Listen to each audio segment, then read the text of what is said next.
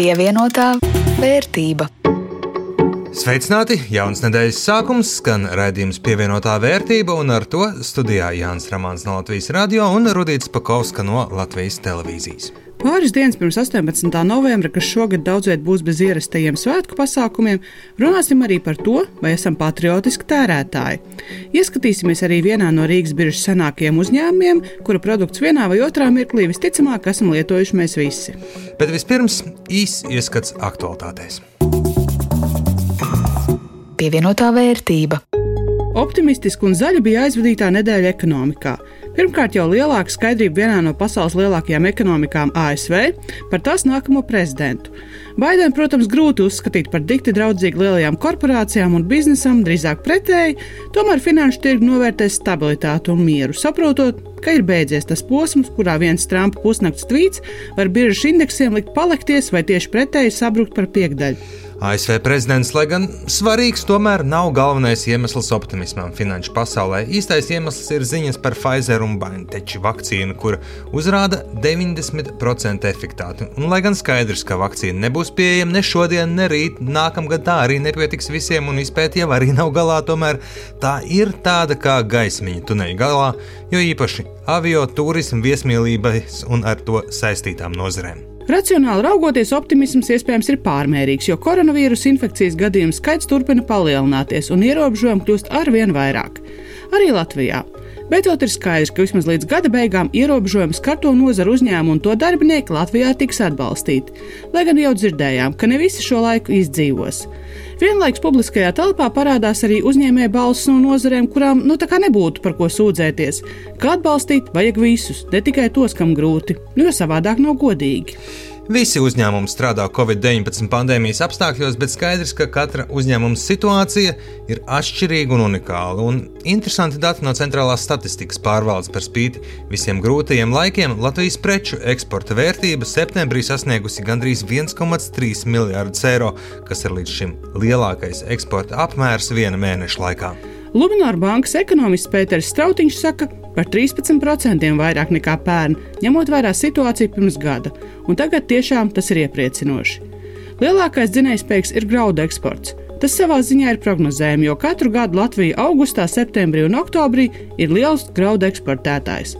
Bet šī gada septembris bija īpaši iespaidīgs. Graudu eksports bija 122 miljoni eiro tur neietilpst uh, rapšu stēklas, um, kuras skaita atsevišķā sadaļā. Tur būtu vēl ap 40 miljoniem. Tātad, uh, labi, plašākā nozīmē būtu kaut kāds 170 miljonu eksporta septembrī. Arī tas ir uh, visu laiku labākais rādītājs. Bija arī tīri labi uh, rezultāti citur pārtiks eksportā, zivju konservu tāda ir eksportēta uh, graudu izstrādājumi Tāpat ļoti liels apjoms ir mašīnu būvs un elektronikas produktiem. Tur ir kopā pie 300 miljoniem eiro. Tur liela daļa ir eksports. Teiksim, Latvijas eksportā parādās monitori un mobilie telefoni. Tos, protams, šeit neražo, bet arī ir zināms no ražošanas datiem, ka attiecīgajās nozarēs Latvijā klājas tīri labi. Interesanti, ka septembrī parādījās starp desmit lielākajām eksporta valstīm Saudārābija, kas tur nemēdz būt. Un tas ir tieši saistībā ar to lielo graudu eksportu.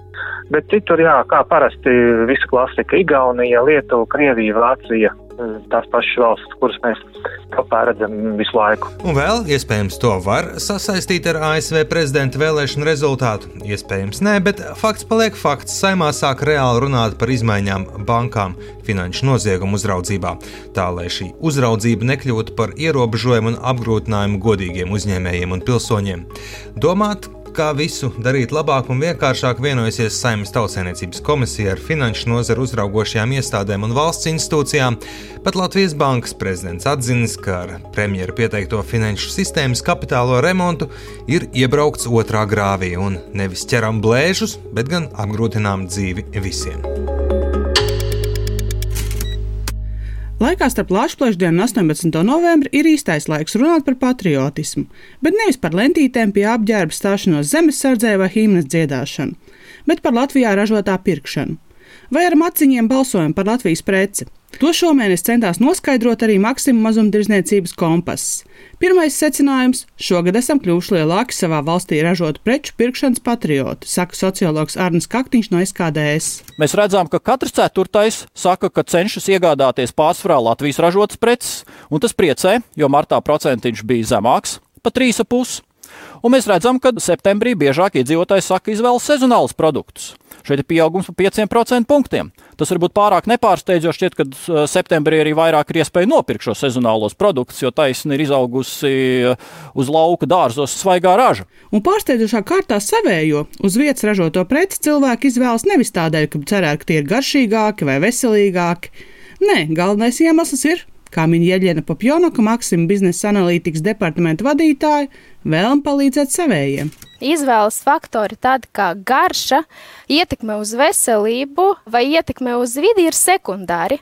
Un galvenais, kāpēc Latvijas iedzīvotāji izvēlas Latvijas produktus ielikt savā groziņā, ir tas, ka cilvēki vēlas ekonomiski atbalstīt vietējos ražotājus. Diezgan svarīgs ir arī svaiguma faktors, bet šis, protams, ir minēts 46% no Latvijas iedzīvotājiem kā faktors, kādēļ viņi iegādājās Latvijas produktus. Bet, ja tikai 25% cītīgi pērk Latvijas preces, ko domā pārējie 75%? Un kādēļ viņi nemeklē plauktos Latvijā ražoto? Kāpēc? Kāpēc tā ir? Kāpēc viņi vairāk izvēlās importēto produkciju? Tie cilvēki tic, ka importētie produkti ir lētāki nekā vietējie. Vai arī lielākā daļa vienkārši neredz atšķirības, ne kaut kādas garšas atšķirības, ne arī kvalitātes atšķirības starp vietējiem un importētiem produktiem. Gan arī ir daļa iedzīvotāji, kas vienkārši domā, ka vietējie ražotāji tāpat vien piedara lielākām ārzemju korporācijām, un tāpēc nav īpaši kaut kādas pievienotās vērtības izvēlēties tieši vietējā ražojuma produkciju. Bet pat starp tiem, kur izvēlas pirkt Latvijas preci, viedokļi par to, kāda no tā ir labumi, atšķiras, it īpaši starp paudzēm. Turpina Papjonaka. Jauniešu vecuma grupā lielākā daļa izvēlas Latvijā ražoto pārtiku, lai atbalstītu vietējos ražotājus. Jauniešu vidū ir arī vairāk tādu cilvēku, kas pērk Latvijā ražotus produktus, jo tic, ka viņi ietekmē vidi mazāk kā importētie. Tajā pašā brīdī senioru vidū vietējo pārtiku izvēlas pirkt biežāk, jo tic, ka tā ir garšīgāka. Vietējais, tātad dabai draudzīgāks, šķiet loģiska doma. Galu galā. Mums ir piemēram zaļie iepirkumi, kas palīdz izvēlēties vietējos produktus, kas mazāk transportēti un attiecīgi mazāk piesārņojuši vidi. Tomēr nevienmēr šī loģika nostrādā, skaidro Jānis Brīsga no biedrības Zaļā brīvība. Jau 94. gadā Pakstons, kas ir britu zinātnieks, nāca klajā ar tādu jēdzienu kā pārtiks jūdzes. Argumentējot tieši par labu tam, ka vajag izvēlēties vietējo pārtiku, jo tā ir mazāk ceļojusi un līdz ar to vidē draudzīgāka. Nu, kopš šiem 90. gadu vidus ir bijuši ļoti daudz pētījumu, kas ir mēģinājuši saprast, vai tad Pakstonam bija taisnība vai nebija taisnība. Un jāatzīst, ka lielākā daļa to pētījumu, kas ir pašlaik veikti, kas skatās visu to produktu dzīves ciklu un mēģina saprast, kur tās lielākās slodzes veidojas, saka, ka īsti nē, īsti ar pārtiks jūdzēm vien mums ir par maz, lai mēs varētu spriest, vai tas produkts ir vidē draudzīgs vai nē. Svarīgi, cik enerģijas un resursu iztērēts audzējot produktu. Piemēram, teorētiski Latvijā var siltumnīcā izaudzēt banānu, bet tas var arī nebūt vidē draudzīgāks un mazāk resursu sapriošs, kā banāns, kurš audzis uz klaja lauka un pēc tam kuģi atvest uz Latviju no Ekvadoras.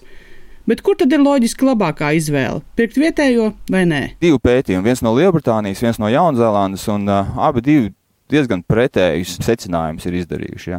Lielbritānijas pētījums, kas skatījās ābolus, secina, ka uh, ir vidē draudzīgākā izvēle ir pirkt Lielbritānijā audzētas sābolus. Savukārt Jaunzēlandes pētījums apgalvo pretējo. Viņi saka, ka Lielbritānijas britiem, respektīvi, vajadzētu pirkt Jaunzēlandē audzētas sābolus, jo tie būs vidē draudzīgāki. Nu, pirmais loģiskais secinājums - katra valsts ekoloģisko izdevīgumu rēķinājusi tā, lai sanāktu pareizā atbilde, ka viņu produkts ir labākais.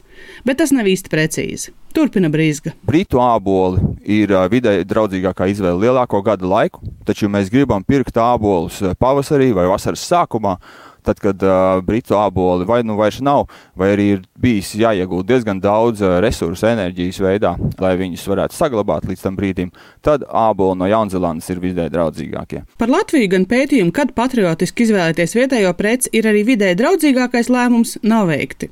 Bet kamēr tā, varam ņemt vērā britu secinājumus, un kamēr vien brīvi pieejam izvēlēties Latvijā augošus šābolus, cerot, ka, darot tā, ne tikai atbalstīsim vietējo audzētāju, bet arī mazāk kaitēsim dabai. Pievienotā vērtība. Bet pat ja jārunā par vietējās preces pirkšanu un to, cik patriotiski ir Latvijas patērētāji, tik un tā šogad nekur neaizbeigs no Covid. Piemēram, kopš pavasara četrkāršojies to patērētāju skaits, kuri pasūta gatavu ēdienu uz mājām. Bet klātklāja kaktiņš no aizkādēs, veselīga ēšana gan vairs nav mūsu prātos. Man pašam tas bija pārsteigums, kur paskat pārsvarā izvēlos ekoloģiskus produktus. Mums uh, martā Tas bija par 5% punktiem lielāks rādītājs. Tie bija apmēram 15% punkti. Šobrīd tie nopaļojo tikai 10. Citiem vārdiem mēs redzam, ka ekoloģiskā lieta izskatās sērgas ietekmē ir gājusi uz leju. Un tas pats arī šis. Pastieties, iedzīvotāji retāk saka septembrī, ka viņi izvēlas veselīgus produktus, ka viņi pievērš uzmanību šim attribūtam, kur varētu gaidīt, ka varbūt ka sērgas ietekmē cenšas ēst veselīgāk, bet redzam, ka īsti tas tā nav noticis. Pandēmija mainījusi arī citus pircēju paradumus, un ne visas izmaiņas pa salīdzinoši mierīgo vasaru izzudušas. Mēs redzam, ka vērā ņemams ir procents, kas saka, ka viņi sākuši iepirkt kaut kādus uh, produktus, kam ir ilgs glabāšanas termiņš. Un turklāt uh, martā tas procents bija lielāks, tie bija 16%. Nu, septembrī tā trauksme mazliet ir gājusi uz leju, un tie ir tikai 13%, kas saka, ka viņi iepērk ilgas glabāšanas produktus. Toties mēs redzam, ka septembrī vairāk tādi, kas saka, iepērk dažādus dezinfekcijas un tīrīšanas līdzekļus, kur paskatās šobrīd jau ir katrs desmitais. Un paskat šeit, mēs redzam, ka jau gandrīz katrs desmitais saka, ka viņš ir sācis biežāk iepirkties e-veikalā. Ja martā tas bija tikai 3,5, tad šobrīd paskatās, tas ir 9. Tas ir gandrīz jau tur trīskārtīgs pieaugums. Neraugoties uz šā brīža epidemioloģisko stāvokli, vēl ir stipri par agru norakstīt klasisko veikalu, kur var aiziet, pačamdīt, pamērīt, pārbaudīt un novērtēt preci. Daina Paula, Latvijas bankas ekonomists, uzsver, atgriešanās no interneta pirkumiem uz parasto veikalu šovasar arī bija strauja. Mēs varam redzēt, ka ierobežojumiem mazinoties attālinātās tirzniecības, jeb statistikā mums tā būtu tirzniecība pa pastu vai internetā, šīs iespējas tika izmantotas mazāk. Tomēr kopējā tendence, ko mēs redzam gan kaimiņu valstīs, gan Eiropas saimnībā kopumā, mēs redzam, ka iedzīvotāji ir tomēr labprāt atgriezušies pie socializēšanās vai arī novērtē iespējas produktu redzēt savām acīm, izvēlēties savām acīm, vai tā būtu pārtika vai nepārtika, izmanto iespējas pielaikot, aptaustīt materiālu, izmanto visas tās iespējas, ko sniedz klātienes tirzniecība. Protams, trendiņš ir mazliet uz augšu, bet šo te klātienes efektu cilvēku novērtē labprāt. Nu, par patērētājiem skaidrs. Mazāk domā par veselīgu ēšanu, vairāk pērk ilgi glabājošos produktus un pēc situācijas iepērks internetā vai klātienē. Bet ko šajā laikā dara uzņēmēji?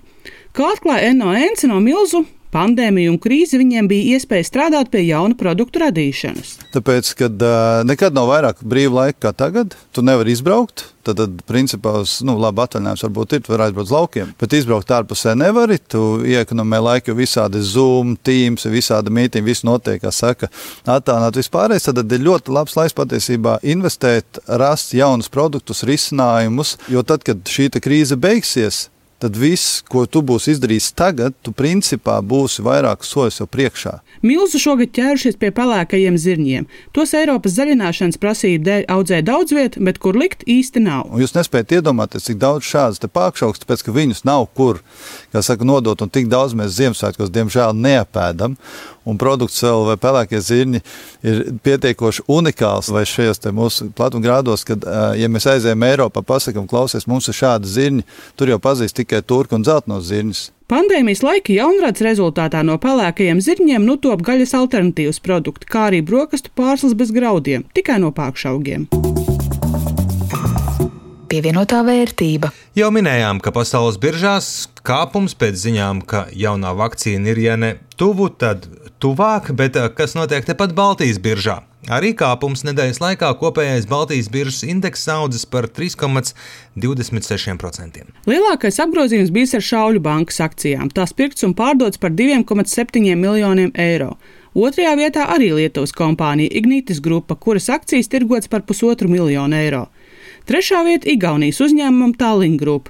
Viņu akcijas tirgots par 1,4 miljoniem eiro. No Latvijas uzņēmumiem vislielākais apgrozījums ar Olēnu farmu akcijām. Summa gan salīdzinot ar Baltijas tirgus līderēm neliela, akcijas pirktas un pārdotas par 121,8 tūkstošiem eiro. Un par Olēnu farmu vienu no pirmajiem Nasdaq Rīga dalībniekiem, kas biežā atrodas jau kopš uzņēmuma privatizācijas 90. gadu beigās, šodien arī stāstīsim plašāk. Linda Zalāns ierakstā par to, kā Olēnu farma biržā veids pat laban un kāda ir koncerna nākotnes attīstības plāni. Akcijas sabiedrība Olimfarma ir farmācijas uzņēmums, kas ražo medicīnas preces un veselības aprūpas produktus. Koncernā ietilpst vairāk uzņēmumi, kuras biržā redz zem viena nosaukuma Olimfarma. Latvijas aptiekas 68 dažādās pilsētās.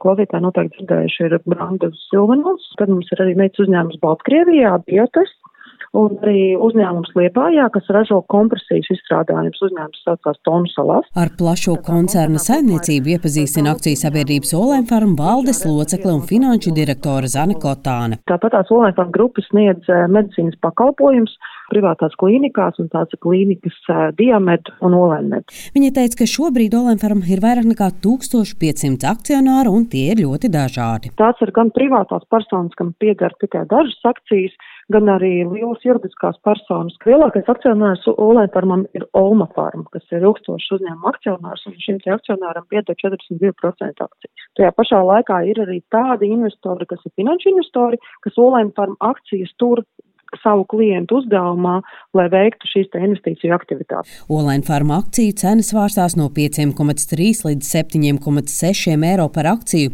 Svārstības ietekmē dažādi faktori, tostarp paziņojums par dividendžu izmaksu. Gadu gaitā kompānija ir izstrādājusi formālu dividendžu politiku, proti, ka vismaz 20% no uzņēmuma peļņas ik gadus izmaksā dividendēs. Protams, ka dividendžu politikā ir paredzēti arī faktori, kas var ietekmēt uh, vai nu lielāku vai mazāku dividendžu apmēru, proti nepieciešamās investīcijas uzņēmuma attīstībā, arī jebkādi uh, naudas līdzekļu uzkrājumi, kas varbūt nepieciešami, lai veiktu saimniecisko darbību, bet tas vismaz ir skaidrs vadlīnijas uh, investoriem, kā mēs uz šo jautājumu skatāmies. Un tikko oktobra sākumā tika izmaksāti 4,5 miljoni eiro dividendēs Olēnfarm akcionāriem. Olēnfarm lauvas tiesu no saražotās produkcijas eksportē uz vairāk nekā 50 pasaules valstīm. Lielākie tirgi līdzās Latvijai ir Krievija, Ukraina un Baltkrievija. Olēnfarm rezultātos ir zināms mainīgums atkarībā no tā, kā uzvedās šo valstu valūtas makroekonomiskās situācijas valstīs. Teiksim, ļoti labs ir bijis 2019. gads. Grupas apgrozījums ir 137 miljoni eiro un peļņa sastādīja 23,6 miljonu eiro. Arī ļoti stabila bilance, gandrīz 170 miljonu eiro. Olēnfarma ir viens no retajiem Rīgas biržu uzņēmumiem, kas dod sev prognozi par gada apgrozījumu. Pēdējās prognozes, kas tika paziņots kopā ar šī gada pusgada rezultātiem, liecina, ka 2020. gadā salīdzinot ar pagājušo gadu sagaidāms apgrozījuma un peļņas sarukums. Apgrozījums 126 miljoni grupai un peļņā 11 miljoni 2020. gadā. Tam pa pamatu šī gada peļņai ir gan Covid ietekme, kas ir vairākos tirgos redzama, gan arī valūtas kursa ietekme, sevišķi Krievijas rubļu ietekme, negatīvi ietekmēs uzņēmuma rezultātu. Savukārt nākamajos piecos gados Olimfarm iecerējis 15% no apgrozījuma investēt inovācijās un tehnoloģijās. Kotāna uzsver, ka uzņēmums izstrādās un ražos aizvien jaunus medicīnas produktus. Kā ik nedēļu biržas uzņēmumu ar ieguldītāju jeb investoru acīm vērtē eksperts. Uzkrājuma un ieguldījuma eksperts Kaspars Pēcinieks teica, ka attiecībā uz Olimfarm galvenais risks un nezināmais faktors ir neatrisinātā mantojuma lieta. Pēcinieks liek zem lupas Olimfarm pašreizējos finanšu rādītājus un darbību biržā. Fundamentāli uzņēmums turpina saglabāt stabilu apgrozījumu šī gada sešos mēnešos. Neto peļņa ir par 18% mazāk nekā attiecīgajā periodā pērn. Uzmanību dara fakts, ka būtiski ir pieaugušas administrācijas izmaksas, kā arī finanšu izmaksas. Bilances vērtība uz 30. jūniju bija 9,74 eiro par vienu akciju, jeb ievērojami augstāk pat par šī brīža biržas cenu. Savukārt Olenfarma akcijas ir relatīvi lētas. Pirms pāris nedēļām kompānija arī izmaksāja dividendes 0,32 eiro centi par katru akciju, nodrošinot ienesīgumu 4,4% pret akcijas cenu. Es vērtēju Olēnu par atturīgi lielās neskaidrības dēļ, taču pacietīgi un risku mīloši investori var būt attiecīgi atalgoti, ja ir gatavi uzņemties risku, iegādāties akcijas neskaidrību laikos. Un papildus ir jāatzīmē, ka Olaina Farm ir viena no retajām akcijām Rīgas biržā, kurā ir kaut neliela likviditāte, ja ir iespējams salīdzinoši viegli akcijas nopirkt un pārdot. Šajā gadījumā tas noteikti ir pozitīvs faktors. Tomēr nozara, kurā uzņēmums darbojas, viņuprāt, ir ar lielu potenciālu arī nākotnē, jo Covid-19 ietekmē medicīnas aprūpe un medikamentu ražošana pasaulē ieņems aizvien nozīmīgāku lomu ekonomikā. Linda Zalāne, Latvijas radio. Ar to arī izskan šis raidījums pievienotā vērtība. Mēs ar jums tiksimies pēc nedēļas. Šajā pašā laikā jāatgādina, ka šo un visus iepriekšējos raidījumus var atrast Latvijas radio mājaslapā un arī populārākajās podkāstu vietnēs. Ar jums kopā bija Rudīts Pakausks no Latvijas televīzijas un Jānis Ramāns no Latvijas radio. Skaņu lika kopā Renāšu Teimans uz tikšanos pēc nedēļas. Pievienotā vērtība.